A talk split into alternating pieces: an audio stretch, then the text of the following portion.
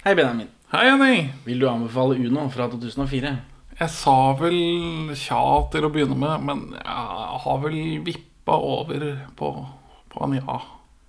Vil du, Henning, anbefale Uno fra 2004? Ja, det tror jeg. Og hvis ikke du har hørt eh, del Uno av denne to-delen, så må du gjøre det først, selvfølgelig. Ja, ellers så vil det ikke henge på grep. Perla for svin. Nei, altså siden mora til David ikke vil, trenger å pleie død far lenger, så vurderer hun å jobbe litt igjen, da. Få, seg- få seg et liv. da må du passe på Kjetil, som ikke får sine lovmessige rettigheter fra Oslo kommune.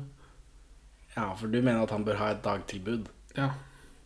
Og jeg vet ikke akkurat åssen reglene er på det, men uh, hun gikk jo hjemme allikevel. Faren lå der døende. Kanskje det var greit å ha han hjemme.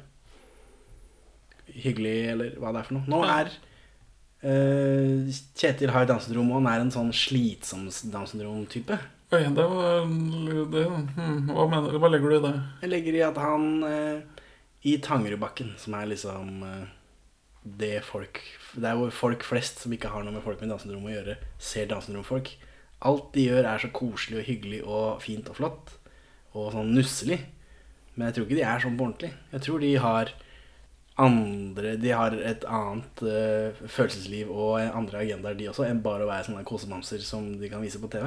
Altså han Bjørn Terje, er det det han heter? Ja. Han er jo veldig opptatt av mat. ja. Det stemmer. Så det, det er jo en kilde for gnisninger i Tangerudbakken. Ja, det er jo litt, da. Han sniker seg unna mye, men, men sånn som For eh, Kjetil her, han lyver, han stjeler. Han, eh, han driver med sånn som vanlige folk gjør, holdt jeg på å si. Vanlige barn gjør. Da. Han er ikke, han er ikke like godslig. Nei, han er vist relativt realistisk i sin Ja, jeg vet ikke om det er realistisk, jeg. vet ikke. Men det føles mer realistisk ut når han er liksom et fullere menneske enn eh, Men du gir filmen poeng for det, slik jeg forstår det? Ja, ja. Men slik jeg forstår Down, så er det vel, kommer det i forskjellige grader av funksjonsevne. Ja, ja, det gjør de sikkert også. Og folk er jo forskjellige uansett. Men dette her er en sånn litt uh, han, han, Det virker som et fullere menneske enn de hardt klippede Tangerudbakken-folka. Det er ikke bare kos og moro. Det er eh, Ja, det er, litt kos òg. Han trøster broren sin når han hylgråter. Og ja, ja. Han, det sier ikke at han er et rasshøl. han, er ikke, han er ikke sånn som pakistanerne i filmen, og bare skurk. Nei. Men, men han, han lyver og stjeler og dreper dyr på et tidspunkt her. Ja, Avretter dyr på Ja, kloss han, hold. s- s- han skal ha to is. Han, han smisker seg liksom til to is. Føler han uh, misbruker følelsene til broren sin for å få to is. Fikk han to is? Ja, ja, ja. Han, han mater jo en is til bikkja, som sikkert ikke er sunt. Nei, det var noen sjokoladekronis han ba om òg. Ja, og han gjør ikke det han får beskjed om hele tiden. Han liksom 'Nå må du gjøre, være der. Nå, ikke gjør det.' Og han gjør alt det motsatte, stort sett. Og det er eh, Jeg liker det bedre, egentlig. For jeg tror ikke Jeg tror det er mer slitsomt å, å, å måtte ta vare på en med Downs syndrom hele tiden enn det er på Det er en grunn til at de har sånne hjelpere på, Tang- på Tangerudbakken døgnet rundt. Ja, de bor i de, de, har, de bor i en sånn et sånt kollektiv med et botilbud. Ja, og og det er De har jo sånn Nå vet jeg ikke hva det heter, jeg, men sånne hjelpere. Voksne folk, vanlige folk rundt omkring. Jeg tror assistenter er termen som Ja. benyttes. Ja, for de, alt, de har jo det hele tiden. Men- her så er det jo bare familien som tar vare på. Det er to avhandlinger som nevner eh, Uno og han skuespilleren med dans som jeg ikke husker hva heter. Eh, Den ene handler spesifikt om de med Downs syndrom i film. Og den andre handler vel om de med, dans, eller de med utviklingshemning i samfunnet. Og den ene heter da 'Fra bollebaking til demokratisk deltakelse'. Altså, jeg husker ikke hva den om film handler om, men den analyserer i hvert fall pressedekningen og sammenligner Uno med Detektiv Downs, som kommer i 2013. Ja, noe sånt. Ja. 11-13, noe sånt. Og da, da reagerer forfatteren av denne avhandlingen på at i anledning av Uno så snakker, blir det snakket veldig mye om den med Downs syndrom sin rolle i filmen, og at det er veldig koselig og fint. Og Aksel Hennie sier at det var det beste med å jobbe med filmen, var å jobbe med han med Downs syndrom. Men ingen snakker med han som har Downs syndrom. Det skjer ikke før i 2013. Da blir han Han i Detektiv Dans er et Altså Deltakende menneske i han disse intervjuene. Han forrige er bare et objekt, mens han andre er et intervjuobjekt. Og det er en, Det er en ganske stor forskjell. Altså, hva, hva er det hva er det man sier i statene? Oscar Bate? Ja, ja, ja. Dette her er Oscar Bate The Movie, da, i så fall. Det er jo bare Oh, menneskelig drama fra punkt én. I tillegg til litt sånn krim. Ja, det, det er ikke det verste jeg har sett av Oscar-bit. Kanskje, eller i Norge, hva er det vi har av skikkelig ille Oscar-bit her? Jeg så en svensk film eh, tidligere i år som var bare helt katastrofe på Oscar-bit. Altså, Men det begynner jo med eh, bror og død far, alenemor omtrent. Bor i boden. Litt som Harry Potter og bor under trappa. Ja, men det er i hvert fall Ja, det er jo andre tegn til Harry Potter, da. Altså døende Voldemort-far og boende trappa. Ja. Men det er i hvert fall en med Downs syndrom som spiller en med Downs syndrom, og ikke Aksel Hennie som spiller en med Downs syndrom. Ikke for å ta et callback til I et speil i en gåte. Ja, den er, den, den er skikkelig Oscar-bit. Skikkelig frastøtende Oscar-bit. Liv Ullmann har peiling, vet du. Trenger den Oscaren. Hun er bare nominert. Ja, hun har ikke fått den. Nei. Da er det for seint, Ullmann. Nei, det er ikke for seint. Jo. Når var det sist hun spilte nå? Eh. Bergman er dau. Hvem caster hun? Hun har regissert litt, da. Det er ikke det samme. Men de har regissert noe teater, vet jeg. Du får ikke Oscar for det, da, men Du kan få en Tony. To is. Hæ? Jeg vil ha to is. Du skal ha én is. Jeg vil ha to is. Hør nå. Det har du ikke penger til. ok? Har du penger til det? Ja. Nei, det har du ikke. Du får 20 kroner av mamma hver eneste dag ikke sant, for å kjøpe deg ting. Ja? Ja. Den her koster 15 kroner. Hvis du bruker de 15 kronene, så har du 5 kroner igjen. Da har du ikke penger til en ny is. Da må du bruke penger for i morgen. Og da får du ikke kjøpt deg ny is i morgen. ok? Nei, men, nei, jeg har lyst på is. Ja, ja, men du har ikke råd til to. Ok? Ja, men jeg har lyst på to is. Forresten, gratulerer til Aksel Hennie som har laget en film som ikke går an å google. Ja, det er, det er litt vanskelig. Men ja, jeg, jeg, jeg prøvde jo å søke eh, på treff i, i Nasjonalbiblioteket på treff på Uno og Downs syndrom. I Sarpsborg kommune. Tidligere Sarpsborg kommune. Sikkert Viken kommune nå. Jeg tror det er Sarpsborg ennå, nå, men eh, ja. Med mer, da antakeligvis. Ja, mest sannsynlig. Er vi i Sarpsborg nå? Nei, vi er i Moss. Vi er i Moss. Ja, Rygge derimot er borte. Ja, det var sånn det var. Stakk, uh, i Fred Tørnquist. Han er fra Råde, han. Nei. Jo. Einar Tørnquist. Ja. Han er ikke fra Han er fra Skien eller noe. Nei, han er, Skien? han er fra Rygge eller Råde. På ingen måte. Jo, Han er ikke østfolding. vil du vedde? Ja. Jeg vedder 75 kroner på at Einar Tørnquist er fra enten Råde eller Rygge. Den er grei. Jeg vedder på at han ikke er det. Jeg kan faktisk jeg kan vedde på at han er utafor Østfold, tidligere Østfold fylke. Jeg gleder meg til å få 75 kroner per vips i løpet av de neste to minuttene. Men du skylder jo meg 50 kroner pga. sånt Einar Pga. et Lis, Elsa Lystad. Vet du, Hæ? for lenge Har ikke betalt for det, Nei, du betaler aldri noe. Greit, da skylder du meg 25 kroner nå. Når vi er Det er greit, du kan ta, vi kan ta det på rente, men jeg er 100% overbevist om at jeg vinner den her. Kan du være sammen med Kjetil noen dager? Nei. Einar Tørnquist, programleder. Norsk øh, Svidgummi Stokke. Stokke. Stokke. Det er Østfold, ikke sant? Nei, Er det ikke det? Stokke er ikke Østfold. Jeg tipper det er Vestfold. jeg. Var en kommune i Vestfold. Fuck. Det er 75 kroner, jeg. 75 kjappe. Helvete. Hei, dette er Morten. Legg en beskjed til Pipton, så ringer jeg deg. Ja, Sarpsborg kommune. Det bor en person med Downs syndrom i Sarpsborg kommune som heter Uno. Jeg vet ikke hva jeg skal bruke det til, men det er en movie fun fact, er det ikke det? Å jo. Det blir ikke morsommere enn det. Uno Ness. Eller sier man Ness? Uno Ness.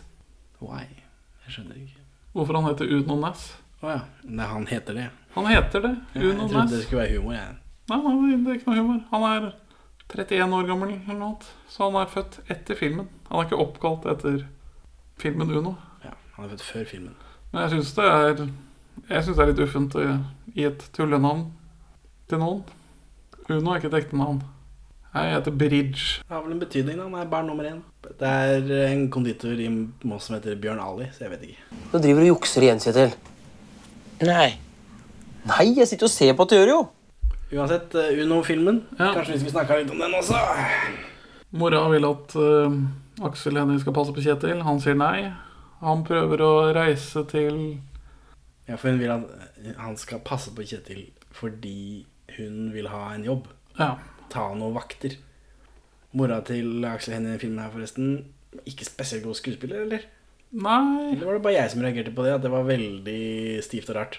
Det var, var litt stivt og rart. Veldig mye. Jeg Både den- snakker og leverer linjene mine. Ja, både den biten her og den eh, hvor hun trøster etter en begravelse. Vel. Når de går på gata der og snakker om pannekaker og noen greier. Det syns jeg var veldig stivt og rart. En gang eh, spurte jeg deg som barn Nei, nå jeg brukte noen innlevelse. En gang spurte jeg deg som barn, Aksel, hva du skulle gjøre hvis jeg skulle dø. Husker du hva jeg sa da? Nei, da må jeg steke mine egne pannekaker. Det ble levert stivt og rart, syns jeg. En gang da du var liten, så spurte jeg deg hva du ville gjort hvis jeg døde. Husker du hva du svarte?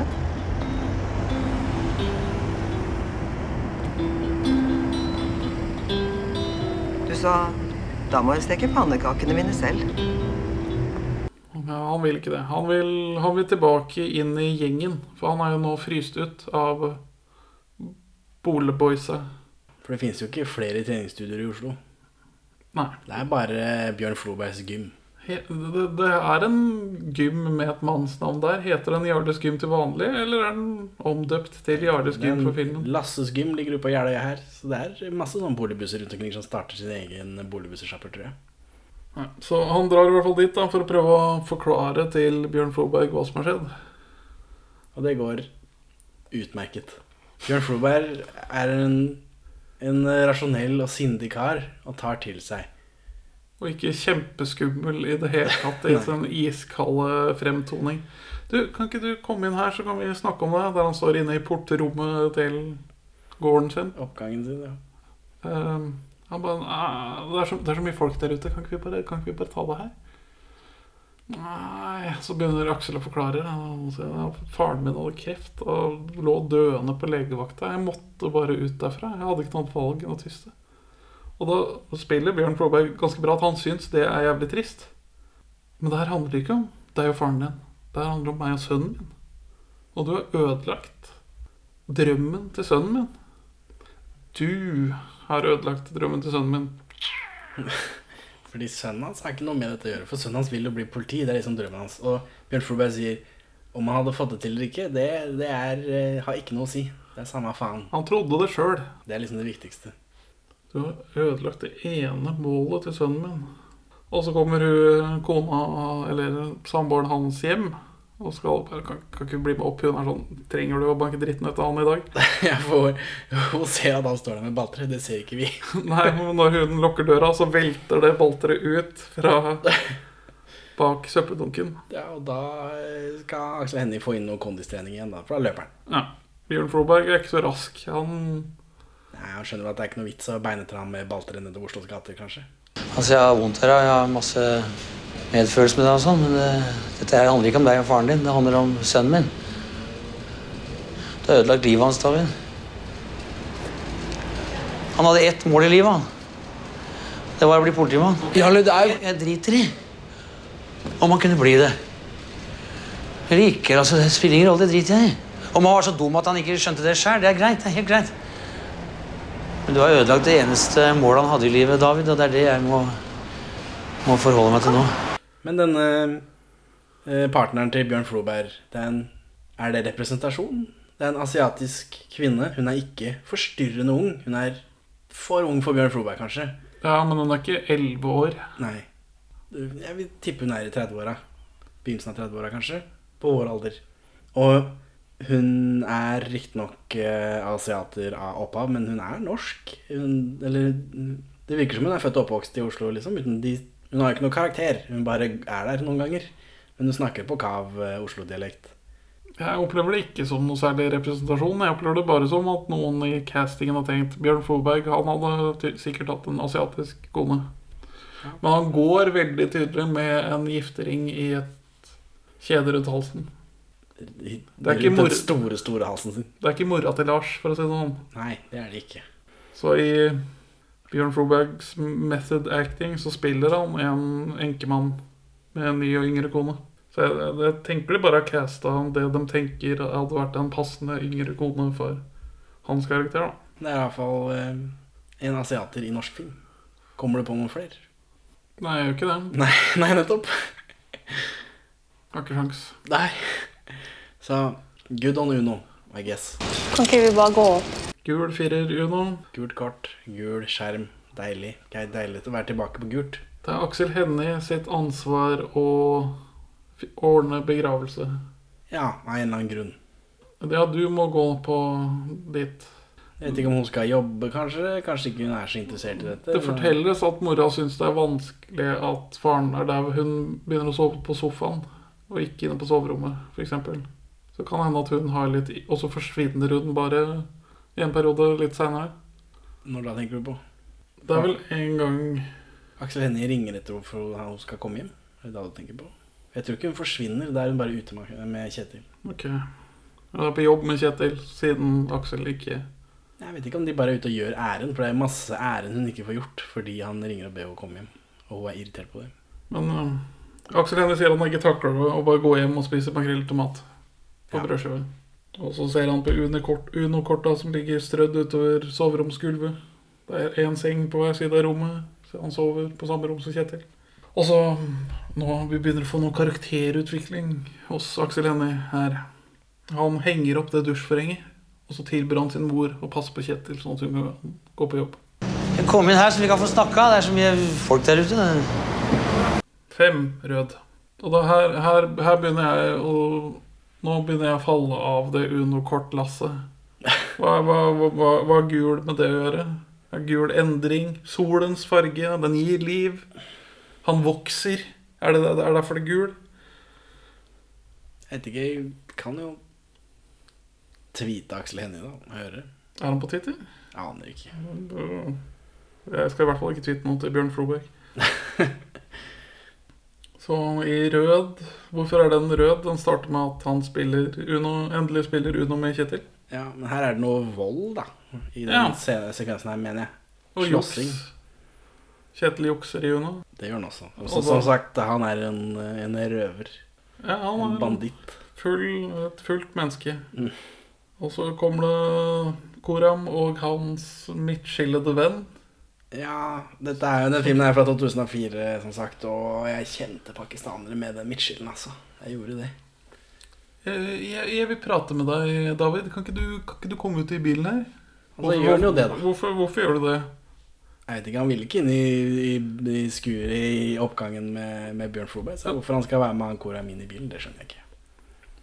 Nå skal det sies at jeg er mer redd for Bjørn Floberg enn jeg er for han uh, Koram.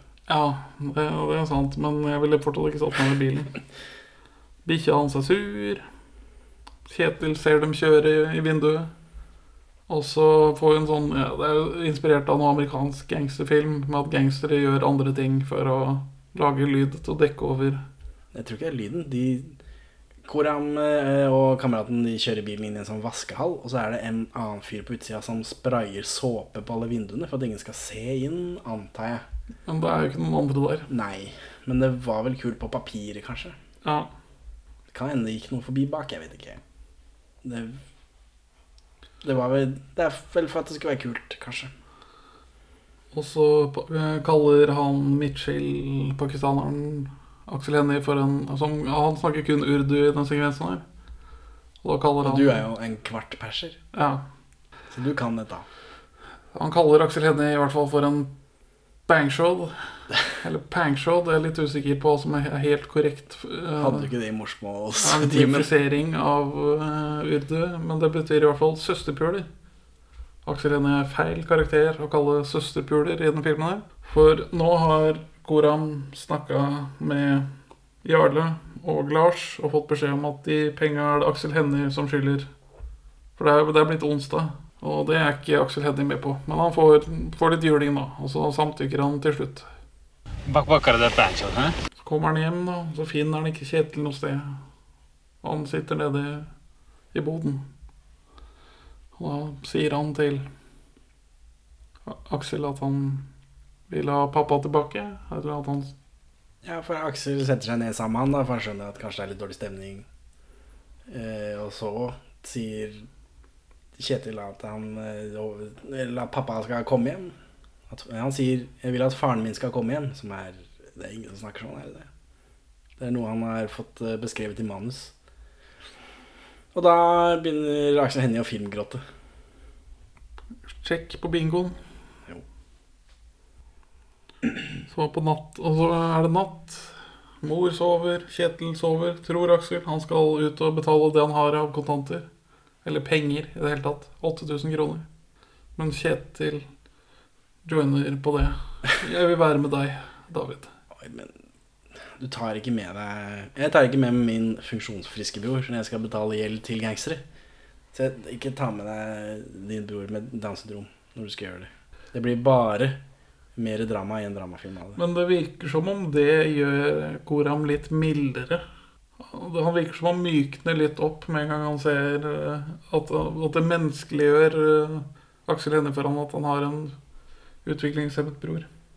Eh, Kanskje, men jeg tror Koram hadde spilt den låta for han uansett.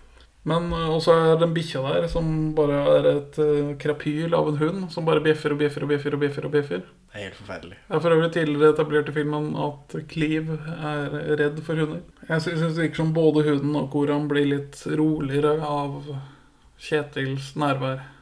Ja, det kan jeg si meg enig i, men eh, jeg hadde ikke gjort det likevel.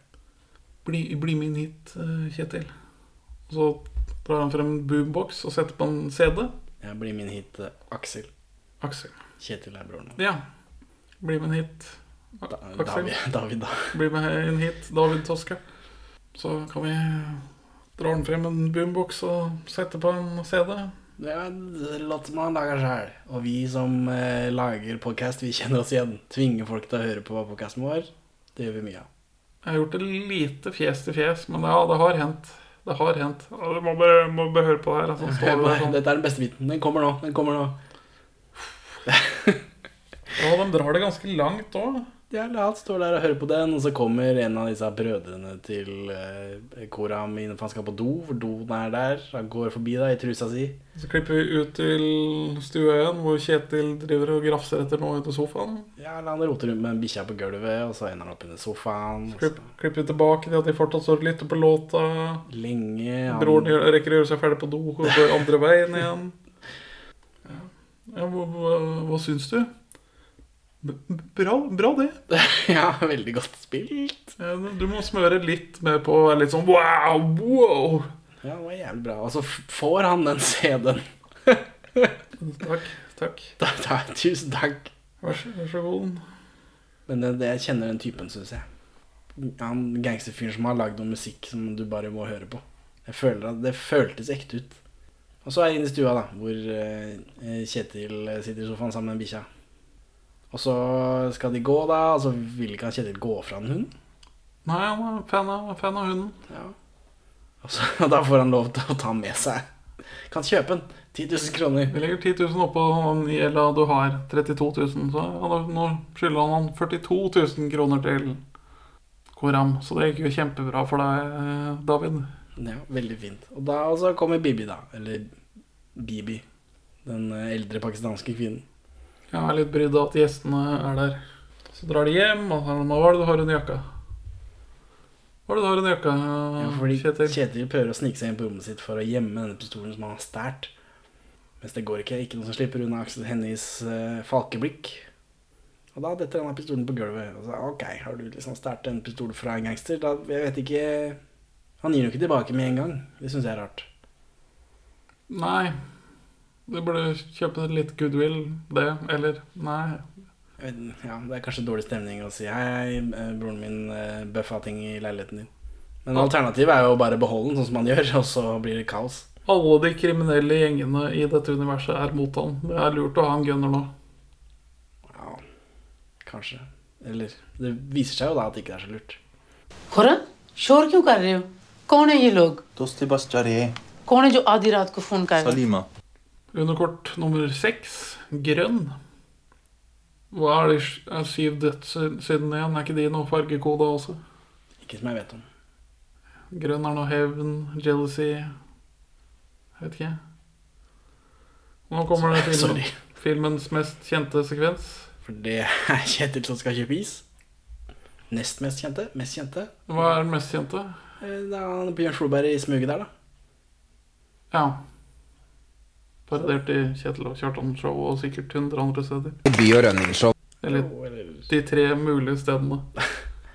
Men her, nå skal det kjøpes is. For Aksel Hennie skal ordne med noe begravelsesgreier, skal han ikke det? Og for å underholde eh, Kjetil da, så har de med seg en bikkja, og han vil ha is. Hvor mange is vil han ha, Benjamin? To is. Men har han råd til to is, da? Nei, han får 20 kroner av sin bord hver dag til å kjøpe ting med. En is koster 15 kroner. Så da har han jo bare råd til én is, da. Ja, men jeg hadde forventa at han skulle sagt noe, men på den tredje dagen, da har du råd til to is. Ja, for han nevner jo at du må bruke penger eh, fra dagen i morgen. Og da har du ikke råd til is dagen etter. Men på den tredje han vil dagen bare- vil jo han ha råd til is. Ja, han vil bare ha Han vil ha to is. Det er det samme for han hvor de pengene kommer fra. Og hva, hva skjer da? Hva blir resultatet av dette? Nei, han får to is, og så går Aksel til begravelsesbyrået. Og så kommer Lars og Nicolai Klebebrok gående. Og er ikke det han mongobroren til David, sier eh, vårt hatobjekt Lars? Ja, men før det så er det vel noe snakk om at Nicolai Klebebrok har feid over søstera til uh, Koram. Ja, for uh, Nicolai Klebebrok har først fortalt det til David, og nå får vi Han har om at, På den festen snakka om at han hadde lyst, og nå har han tydeligvis gjennomført. da Ja, de hadde utveksla noen blikk på den festen hun så vidt var innom. Ja, Og så kroppsvæsker senere, da, tydeligvis. Hei, yo. Hva heter den innvandrere alltid gardinene nede-filmen som kom her i år? Den heter det. Innvandrere har alltid gardinene nede. Jeg mener det. Ja, Og så er det en Respekt fra 2006 som også handler, omhandler det temaet. Haram. Er det Haram den Den er ikke fra 2006. Det er ikke så mange år siden. Nei, for, det, For der er det en uh, utlending eh, Jeg har ikke sett den. En utlending som er sammen med en hvit kvinne, og det er haram. Ja. Og det, Jeg tror, er den dansk? Jeg vet ikke om det er norsk. Nei, det er, en, det er en norsk film hvor det foregår i som kom før Tastepriv, i hvert fall. Ja. For de har med han, regissør, de har med han regissøren en, Liksom, ja. Nå har du gåsetegn som ikke syns på podkast. en serie sketsjer som kanskje ikke har holdt seg sånn veldig godt. Jeg tror ikke Harald er på sitt mest sympatiske om noensinne. Så du mener at det fins ting Harald Eia har gjort som ikke holder seg så godt? Sånn som den brown-facen i Team Antonsen? Og du er kjempetrist, de griner masse, og så ser du plutselig komme masse damer, ikke sant? Med mensen! Så kommer gale sånn Har mensen! Og det bare søler mensen og smører mensen over hele der! Syns du det er fint? Syns du det er respekt for mora di? Og der er det vel også med noen ekte innvandrere også, tror jeg. På Team Antonsen? Ja, i den butikken. Det er ikke butikk. Nei, jeg, Du den tenker på. Robert eh, Stoltenberg, du. Nei, jeg tenker på Ute i vår hage. For der er det noen som plystre Robert Stoltenberg også. Pakistan-karakteren hans. Hvem er det som spiller mora hans? Bibi. Ja, skal de bli sammen, eller? Er det tust, eller? Tror jeg blir sammen med pakke. Ikke det mongobroren til David, da? Men ja, Lars han, han, han spiller ikke så veldig godt, men jeg hater han. Så Ja. han må jo Mest på trynefaktor. Ja, men Han må gjøre noe riktig. ja, Han må gjøre noe riktig. Jeg føler ikke han spiller bra, men jeg hater han intenst. Så da Ja, filmen får til det. Men ja, så han får info vi, vi som publikummere vet at Lars vet at Nikolai har harva over lillesøstera til Koram. Så kommer de over sitat, mongobroren til David. Sånn for å liksom bare understreke hvor usympatisk og jævlig Lars her. Så han driver og jeg vet ikke, trakasserer han litt, eller erter han Ja, ja, jeg vet ikke. Det er bare for plagen, vel. Og så kommer eh, David ut og er ikke blid. Nei, for det er jo ufint, da, syns han. Men han er, han er sånn gidder ikke-type. Jeg gidder ikke. Gidder ikke, gidder ikke, gidder ikke. Jeg, gidder, jeg, vil ikke, jeg vil ikke ta det her med deg nå. Jeg har forklart det far, Jeg har snakket med faren din. Jeg har forklart det til han. Men så pusher han videre, og så får vi noe slåssing på norsk. Ja, men Mye skriking. Det er sånn jeg ser for meg at sånne boligbusser ville slåss. Ja, den- Jeg er med på det. For han, det, er, det, er noen, det er en fin bit der hvor han prøver Hvor Lars prøver å spenne bein på Aksel Hennie. Ja. Han bare sparker den i beinet. Det er sånn det, er sånn, det, det, det her har jeg vært med på. Ja, det, det, kan, kan jeg kjenne meg igjen i. Ja, altså, jeg vet ikke hvem som har gjort eh, fight coordination på denne filmen her. Men fy søren, så fint. Og så ble, lapper han til Aksel Hennie to ganger, og da, da, da er det nok. Og da gir Aksel Hennie han en ekstremt kontant springskalle. Korrekt plassert. Det skal ikke være panne mot panne, det skal være panne mot nese. Og, og da, da er han ute av spillet og blir liggende. Jeg sparker han et par ganger òg, tror jeg. Ja, etterpå jeg sa jeg ikke var noe keen! Skjønner du ikke noe? Du blir nede! Du blir nede! Ja, og, og han, Lars, ligger og skriker på Morten som han trenger backup. Morten er bare Morten er ikke den som liker best å slåss. Eller involvere seg i noe som helst, egentlig. Nei, han ville jo Han vil helst være i fred, leve livet sitt. ha en trygg og fin gjeng. Og han er redd for hunder i tillegg, da. Det er en bikkje der òg. Hører du dårlig, eller? Lars, hør, jeg har ikke noe keyboard. Hører du- hører du dårlig, eller? Hør, da. Lars, hører du dårlig? Hør, da. Hvor tystere så Hør, jeg, Lars, jeg gidder ikke mer. Lars, hør nå. Jeg har ikke noe lyst på mer mas med faren. Hør, da! Hei! Nå er det nok, OK? Hei! Sa ikke å skrive for deg! Skjønner du det? Skjønner du det? Morten! Ligg der, ass! Nico ser etter David, savner David. De åpner posten sin parallelt. Det kryssklippes mellom at de to åpner postkassene sine. Ja, Jeg vet ikke om de tenker på hverandre, eller Illustrerer det brorsbåndet mellom de. Hva- Jeg vet ikke. Eller at begge to har bopel. Og så denger Koram søstera si. Ja, for nå har han funnet ut dette, da.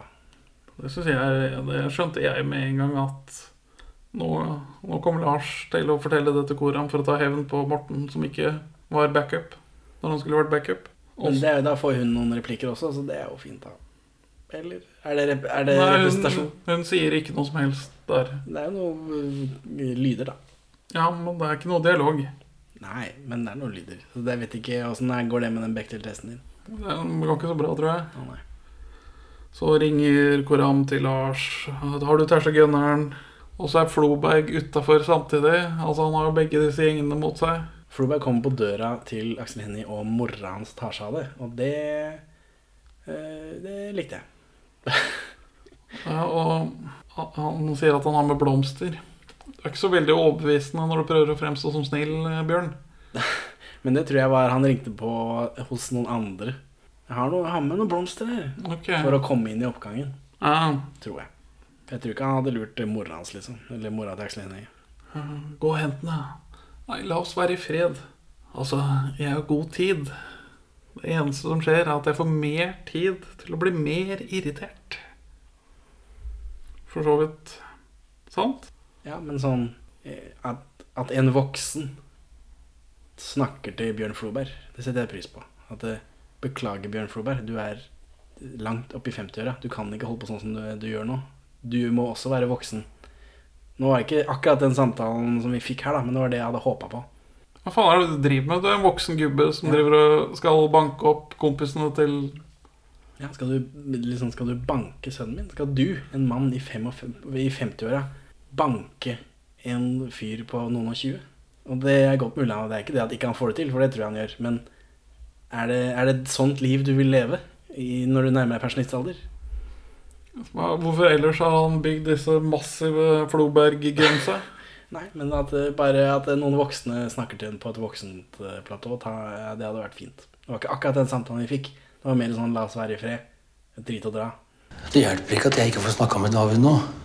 Jeg har god tid. Det eneste som skjer, er at jeg rekker å bli mer irritert, liksom. Så mens én blir holdt ute av eh, Hva heter sånn sikring på døra? En lenke bare. Ja, sånn, en, en blir holdt ute av dørlenka. Det går ikke så bra for Nicolai Klevebrok. Han åpner døra, og da blir den sparka inn med en gang. Så lenka spretter av. Så Koram og uh, midtskill-pakistaner er der for å banke dritten ut av han og Spikre ballene hans fast i gulvet. Her får vi noe god uh, showing og ikke telling. Han ene tar og lader en enorm speakerpistol. Ja, for de har jo ikke Koram har jo ikke pistol lenger. Nei, det er sant.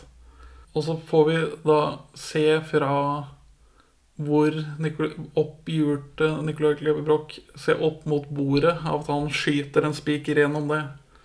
Og så skal Koram ha han til å spre beina, for han skal Skal det er ikke kuken hans. ja, Han skal spikre godteposen til Nicolai Kleve Broch til gulvet.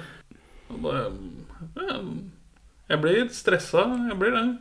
Du ble redd for godtepose- godteposen til Kliv? Ja, jeg ble redd for godteposen til Kliv. Du har pult feil lillesøster. Og her er ingen som slenger ut uh, bangshot-begrepet. Men Kliv klarer å slåss seg ut av det og parkorerer ned fra leiligheten. Ja, han hopper ut av vinduet og på en kant og litt sånn det, det, Er det parkour? Det, det er det vel ikke. Det er jo bare Det er rømming. Ja, jeg synes Du strekker, du strekker parkour-begrepet. Og han rømmer til David. Nei, han drar først og sjekker til Floberg. Var det dere som sendte han på meg? Og så er det sånn, ja. Du står ikke og ser på at sønnen min får juling. Nei, men nå syns jeg Bjørn Floberg begynner å lage seg selv problemer. Å ikke gjøre noe. Er, ikke, er det det samme som å gjøre noe, da? I den æreskulturen som eksisterer eh, rundt Jarle og Jarles gym, så er det jo det. Da må han få masse Han, må, han lager seg så mye unødvendige problemer. Bjørn Floberg. Hvis han skal drive og, og ja, rote sånn. Nå er det det han gjør, da. Ja. Så jeg tror ikke jeg hadde vært så hard på det. Hvis jeg hadde hatt, for han vet jo at det er sånn han er en idiot. Jeg skjønner ikke. Det er vel det han har igjen av blodslig familie, da. Du ut feil lillesøster, Morten. Nei da, så Nicolai Klevebrok er jo et løv i vinden. Hvis en gjeng avviser han, så får han starte seg en ny gjeng med han andre som avviser fra gjengen. ja. For det, det er liksom hans ark i filmen. Det er vel ikke Det er, er mer at vi, vi som eh, seere får oppklart hvordan han fungerer som menneske. Han snur seg alltid etter vinden. Han vil alltid ha flest folk med seg. Og han er feig. Ja. Og å være feig er en uting i denne æreskulturen. Ja. Så man skulle tro filmen kanskje eh, ville vende seg mot den æreskulturen, men eh, men Morten, som han heter, Niklas Klevebrok, er jo feig gjennom hele greiene, og det blir portrettert som en dårlig ting. Ja, det virker nesten som han skal vippe på en redemption på et tidspunkt, men det Det gjør han ikke. Han fortsetter å være feig. Ja. Som er helt greit for meg, men det er bare det, det passer ikke helt med moralen til filmen, hvis man kan si at den har en i det hele tatt. Ja, så får vi noe krangling på film. Hold kjeften din. Kommer og ber om hjelp nå. Jeg var helt aleine. Men du tysta, David. Hva skulle jeg gjøre? Du tysta. Hæ? Hæ? Hva skal Det jeg er gjøre? ikke, det er jo for så vidt sant. Ja, så nå bor eh, Mamma bor på sofaen. Nico bor i kjelleren. David og Kjetil bor på rommet. Og senga til fatter'n står tom. Er det du som har sendt Koran på meg, eller? Er det dere som har fortalt det til Koran, spør jeg? Sa bare hva du hadde gjort, jeg. Hva faen gjorde det for deg? Ingen som står og ser på at sønnen min får juling, vet du. Da får vi et nytt kort. Og vanlige farger. Ah. et friskt pust. Dette, og dette er jo helt klart den lengste sekvensen i filmen. De pynter seg til å dra i begravelse. Det var det, der kortet som vri, var det, hva var det du kalte det? Ja, det er jo det hvor du kan velge farge selv. Jeg vet Ja. ikke hva det heter, jeg. Aksel Hennie prøver vel å definere veldig tidlig hva denne sekvensen handler om. Og forklare sitt eh, ansiktsuttrykk i siste bilde. Selv om det ikke henger sånn helt logisk på grep. Men han forklarer i hvert fall at han går igjen med alle reglene til Uno? Han og Kjetil sitter og spiller Uno. Gjennom hele filmen så har Kjetil mast om å spille Uno. Men Kjetil kan ikke reglene, han bare trekker hele tiden. Så han ender opp med masse kort på henda. Og da setter Aksel Hennie ned foten og skal endelig forklare hvordan dette fungerer. Og går gjennom, og til slutt så sitter du igjen med ett kort, og da sier du Uno, og da er du fri. Og det er vel det du mener er filmens tese. Det skulle jeg tro, ja. At vi går øh, Siden da all den tid filmen heter Uno. Ja. Så filmen så langt har handlet om at Aksel sam samler opp kort, laster, som gjør at han ikke er fri. Og i denne siste lange sekvensen så skal han gjøre noe for å bli fri. Og han, eh, litt senere i denne sekvensen også, så snakker han vel om at han er lei av all den dritten. Ja. Det starter med begravelse. Det går gjennom en sorgprosess her. Og så har Morten en konflikt med Og så har Nico en konflikt med hunden hjemme. Han ble holdt gissel av hunden. Eller Nicolai Klevebrok er jo da hjemme hos Aksel Hennie mens Aksel Hennie er ute i begravelse. Så han lager seg en brødskive, setter seg i sofaen, og så kommer den bikkja bare tuslende ut. Og han er livredd for bikkjer, så han mister den brødskiva, og så blir han bare sittende og glane mens bikkja ligger eh, og, og sikler på teppet foran han. Hunder er veldig gode på å legge merke til om noen er redde for dem. Så han, det er en sånn ond spiral inni der et sted. Ja, Men han var jo ikke truende.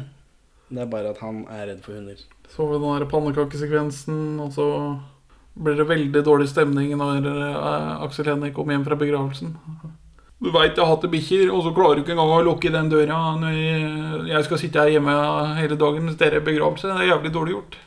Ja, ja, men jeg tror da, Hvis jeg hadde vært eh, Nicolai Klebrok og hadde måttet sitte i hvor lang tid tar en begravelse og alt det greiene, i timevis og være redd for den hunden, så hadde Jeg tror jeg skjønner det for han. Når Aksel Hennie kommer inn og endelig tar denne bikkja, så begynner, eh, begynner eh, Nicolai Klevebrok å, å rydde opp etter For han har mista en brødskive på gulvet. Og så begynner Aksel Hennie å masse på hva som er galt. Det er ikke sånn at uh, Nicolai Klevebrok går rett i angrep, fordi han vet at nå du akkurat lagt jorda av faren din, liksom. Så, så vi, jeg, han har vet å liksom ikke si noe før Aksel Hennie begynner å gnage. Og da klikker det for ham, for han har sittet her og frykta for livet sitt i timevis. Var du som tysta? Be. Ja, da kommer alt sammen opp, da, vet du. Sånn som når man først krangler. Men Jeg visste ikke om det der med pappaen din, jeg. Jeg hadde jo sagt noe da. Nei, du hadde ikke det, vet du, Nico. Det er ikke i din karakter. Du er en feig dritt i filmens univers. Ja, så går det av et skudd, da. Ja, mens de krangler, så pang, sier det. Og da Her er det vold mot dyr. Kjetil har henrettet huden på soverommet. Ja, Vi har tidligere sett at Kjetil leker med den pistolen, som for Aksel Hennie har gjemt den i undertøyskuffen eller sånt noe. Og, eh, og Kjetil har jo en overnaturlig evne til å finne våpen som er sånn lett gjemt. Det er vel en regel i filmen at eh, våpen gjemmes dårlig. Ja, tydeligvis. Altså, selv om du har eh, ulovlig ervervet et våpen, så kan det være lurt å investere i det billigste våpenskapet på europris likevel. 1800 kroner, tror jeg. Vet ikke. Men han plaffer iallfall ned bikkja. Og så bonder Nico og David over og prøver å kvitte seg med det bikkjeliket. Masse hundeblod overalt. Det er sånn sorry, jeg visste ikke om pappaen din. Og Aksel deler at han ikke gidder å løpe mer. Ja, Han er ferdig med all den dritten her. Nå skal han liksom rydde opp. Nå har han en plan. Nå skal alt bli så fint og flott. Han skal kvitte seg med korta sine. Og så spør Nicolai ja, trenger du en kompis. Og da sier jeg ikke en som stikker. Men de sier det eh, mens de ser på hverandre og smiler som om nå er de bestevenner igjen. Ikke at Det ligger ikke noe hint her om at eh, etterpå så kommer nok ikke Nicolai Klevebrok til å stille opp sånn som han burde, ifølge den samtalen her. Så, men de får pakka inn dette, den bikkja i plast, og så hiver de den bare i søpla. Ja. Det er kanskje sånn man gjør det. Jeg har Det ikke skal brennes opp på Mortensrud. Det blir fjernvarme, det. Ja. Klemetsrud. Det Klemetsrud. Mm. Det heter Klemetsrud, men det ligger vel på Mortensrud. Ja, det er noe rot inni der. Uansett. Og så, skal de på legevakta for å ta stivkrampesprøyte, siden Morten ble bitt av bikkja. Når Aksel Hennie og Nicolai Klevebrok slåss. Det, og dette er litt sånn ah, Nå har vi et stort manus her. Nå må vi bare komme oss til slutten her på et vis. Så jeg ringer Sender melding eller noe annet til Koram. Koram og ber han om å møte opp på Legevakta hvor jeg er sammen med han fyren som du prøver å ta. Ja, det virker ikke sånn. Det var litt sånn pussig. For da Kom hit, liksom, og så skal du få pistolen din, så er vi ferdig med det. Ja. Det er ett kort. Og så skal det etableres at jeg skylder deg nå bare 2000 kroner for resten av den bikkja. Eh, men Goran vil også ha tilbake hunden. så, og det er ikke så lett nå. Nei, det er min hund. Jeg har kjøpt den til deg. Jeg skylder deg 2000 spenn, og det, resten, det, det får du ta med Jarle og Lars. Uten at han får noe samtykke til det, men inni Aksel Hennies hode så er, er dette Uno-kortet lagt tilbake i bunken. Men det er det jo ikke. Nei. Og så Og det blir jo enda mindre rydda opp etterpå, fordi det eh, Nicolai Klevebrå kommer jo ut der sånn og blir sett av, av Koram, som skal ta han. Ja, det- Så da løper han bare inn. Dere, dere må bli med ut. Ikke bli med folk noen steder i Uno-universet. Det skjer aldri noe bra da. Aldri. Så han eh, det beiner vel innover, tror jeg, inn i, på legevakta der sånn. Og Aksel Hennie tar en colaflaske, og så går han også inn etter dem. Så ser ikke vi det før etterpå, at Aksel Hennie har dælja til Koram med den flaska. Så jeg tror det blir bare Jeg tror nå han må jo betale for det. Ja, ja, jeg tror, det- tror ikke han ble kvitt de 40 000 på magisk vis på den måten der. Nei, og da, men så kommer de to gående ut, og der står det veldig mange perplekse, slemme pakistanere. Ja, I Mercedesene sine. Ikke, det er ikke jeg som sier det, det er filmens språk som skal disse slemme pakistanerne. som står der bare sånn Hæ, hvorfor kommer bare de her to ut? Vi vet ikke hva vi skal gjøre, så vi bare står og ser på hverandre mens de går forbi. Så kommer Koram ut blødende fra hodet. I aller høyeste grad. ja. Og da er det løping igjen. Da løper de av gårde. Og Aksel Hennie har denne nøkkelen man skal levere tilbake til Ja, det ene, ja, det ene kortet han har blitt kvitt, er pengene. Faren som er begravet. Og nå er det det siste. Han må bare si at han er helt ferdig med gymgjengen. Ja, han må levere tilbake den nøkkelen. Så de beiner av gårde til uh, gymmen til eh, Bjørn Floberg. Og låser seg inn, og så låser de døra. Eh, For så ikke disse eh, pakistanerne skal jage dem helt inn dit. Ja, veldig trygg og god base i stormen. Ja, Nå er jeg ikke så tjukk, den glassdøra der, men, eh, men Bjørn Floberg er jo på innsida også, så det er kanskje det verste. Ja, You're not I'm not locked in here with you. ja, ja. You're locked in here with me. Men uh, Floberg sier ja, dere, dere skal ut. Men så bytter han til nei, det er bare du som skal ut, David. Og han går ut og snakker med pakistanerne og får ordna opp i det. Ja, eller han får vel ordna det sånn at eh, Lars, sønnen hans, også kan være med å banke opp Aksel Hennie. Lars, så kommer du ned hit. Nå må du være med ut og banke opp Aksel Hennie. Og så prøver vel Aksel å få med Nikolai med, med ut. Men Nikolai vil ikke ha juling, og det skjønner jeg godt. Det er lurt, Nikolai. Det, det er den, den driften mot å ikke få juling, den er sterk og vanskelig å overkjøre. Sterkere enn et eventuelt vennskap med, med Aksel Hennie. Han velger den sterkeste gjengen igjen, så det er ikke en god venn. Nei. En feig, feig venn. Og det er vel Det, er jo et kort på en måte, det òg, da. Som han kvitter seg med. Ja, det er det for så vidt. Og så går Aksel Hennie ut, da. Dere- Han, er, eh, han har noe ro i sjela. Han vet hva som skjer. Ja, dette, dette er ikke usikkert. Det, men han sier likevel 'Dere kan ikke røre meg'. Jeg mener han liksom Jeg tror det er, Billedlig? Jeg tror det er på sånt nirvana-trinn. Ja, han er sånn Jeg er ikke her. Jeg er, eh, jeg er på et høyere nivå. Han er en munk som har dynket seg selv i bensin og satt fyr. Og dermed blitt kvitt alle disse dumme nervene som sier fra om at han brenner. Og så får han juling, da.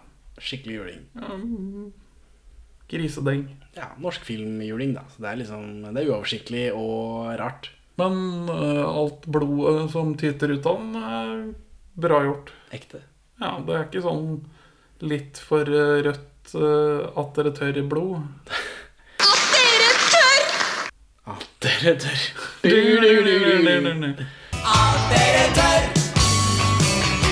Og så her eh, vil jeg eh, gå til rulletekst, jeg, men det gjør vi ikke. For vi, den, vi klipper rundt til forskjellige folk som vi har vært med. Til eh, Kjetil, til mor. Stille deng igjen. Det er ikke noe lyd over den julingen. Nei.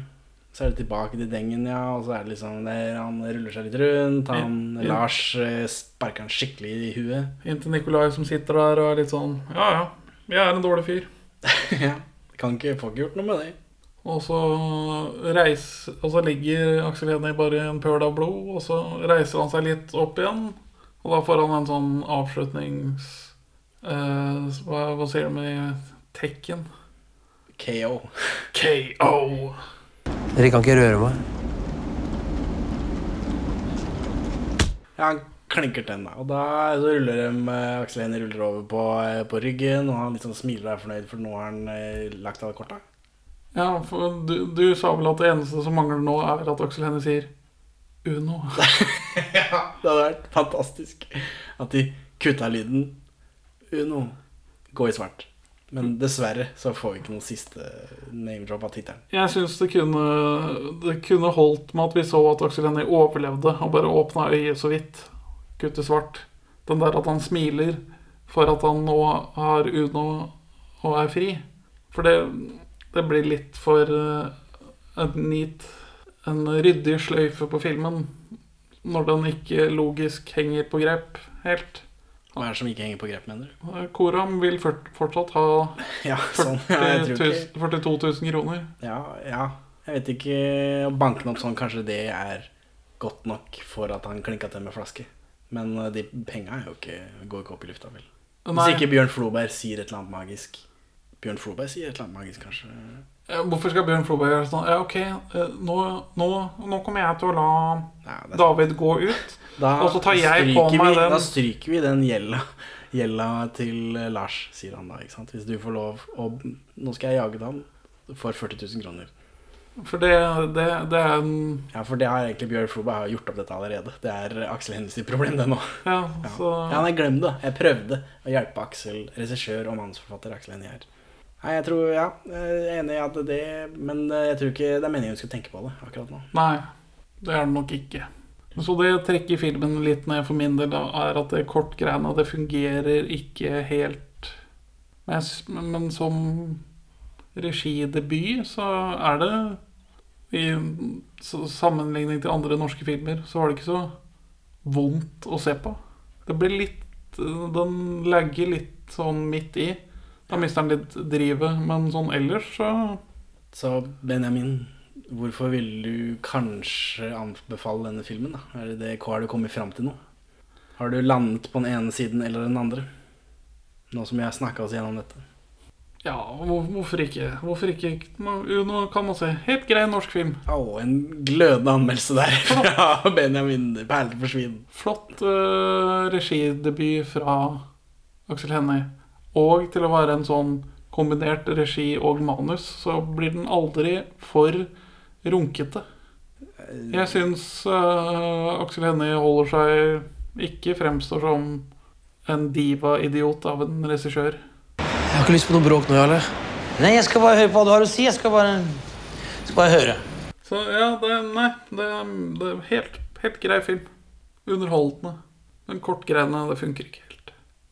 Og jeg hater sånn tint. Jeg hater tulling med temperatur i film. Det er et eh, slapt og kjipt virkemiddel. Hvorfor er din holdning til Uno fra 2004 at den er sånn? Ja, hvorfor ikke? Fordi det skjer masse ting. Det likte jeg. Den er kort nok til at det kan liksom skje ting hele tiden uten at det blir for gærlig. Og den har jo dette dramaet, den tintinga, og det er litt sånn ekstra mm, sånn strøssel på toppen av kaka der sånn, som gjør at i hvert fall anmelderne på den tiden følte at dette her er noe mer enn den gjengse norske film. Så eh, denne kan man se og like. Motsetning til mye annet vi ser. Ja. Som er helt umulig å like. Ja. Så Eller i hvert fall eh, veldig vanskelig å like. Er Hvor vi må liksom jobbe for å finne noe å like. Men her er det jo masse ting eh, som det går an å, å ha et godt forhold til. Men det var vel ikke alle anmelderne som likte den når den kom? Nei, et eh, samlet norsk anmelderkor eh, roset denne opp i skyene, bortsett fra dissidenten eh, Brita Møystein Engseth, som, eh, som var litt uenig. Som kanskje ikke syntes dette var en drittfilm. Men Aksel Hennie tålte det, virker det som. Ja, ja. Aksel Hennie ja, Fordi hun har vel et kommentarspor på DVD-en som ikke vi har sett. Riktignok, men uh, hvor hun bare bruker hele kommentarsporet sitt på uh, å irritere seg over filmen, selvfølgelig. Og fortelle hvorfor alt hun ser, er dritt. Så Det, det, ja, det går fint an å se Uno. Ikke noe problem. Ha det bra, Benjamin. Ha det bra, Henning. Takk for at du hører på Perler for svin. Du finner oss først og fremst på perleforsvin.no, men også på Twitter under perler-for-svin, Facebook som perleforsvinpod, eller du kan maile oss på perleforsvinpod at gmail.com. Gi oss gjerne en eh, rating i din lokale podcast-avspiller, og, og legg igjen en beskrivelse, så folk skjønner hva det er for noe tull vi egentlig driver med. Her er ukas Pål Bang-Hansen-sitat ute av kontekst. Programmert for den såkalt typiske tenåring kommer det også film. Skulle bare mangle, det er dem som gir penger i kassa. Hurra for deg som fyller ditt år, ja, deg vil vi gratulere. Muskel... Nei, Flo Muskelberg. Ikke? Nei, greit. Går ikke. Bjørn Muskelberg? Nei.